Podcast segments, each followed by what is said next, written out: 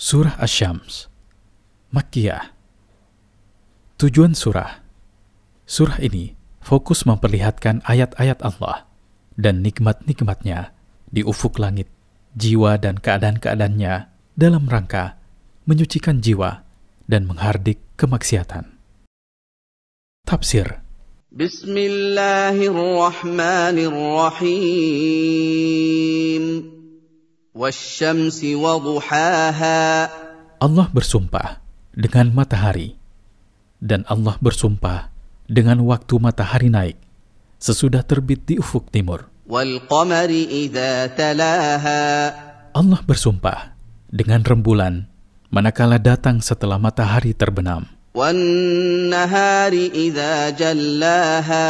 Allah bersumpah dengan siang manakala ia menyingkap apa yang ada di muka bumi dengan cahayanya. Allah bersumpah dengan malam manakala ia menutupi permukaan bumi sehingga ia menjadi gelap.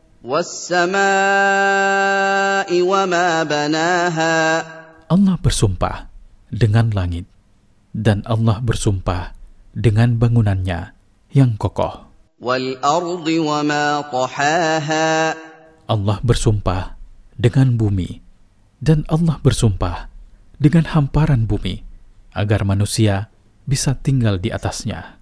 ونفس وما سواها Allah bersumpah dengan setiap jiwa dan Allah bersumpah dengan penciptaannya terhadap jiwa secara sempurna.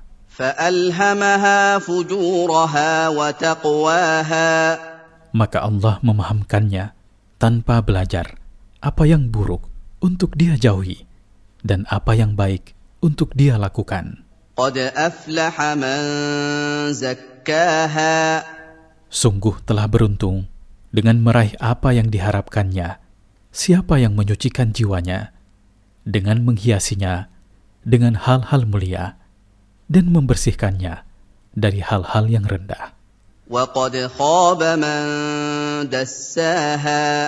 Sesungguhnya telah merugi siapa yang mengotori jiwanya dengan menenggelamkannya di dalam kemaksiatan-kemaksiatan dan dosa-dosa. Sesudah Allah menjelaskan kerugian siapa yang mengotori jiwanya dan menenggelamkannya di dalam kemaksiatan-kemaksiatan, maka Allah menyebutkan kaum Samud sebagai contohnya. Allah berfirman, Samud mendustakan nabi mereka, Soleh, karena mereka telah melampaui batas dalam melakukan kemaksiatan-kemaksiatan dan mempraktikan dosa-dosa.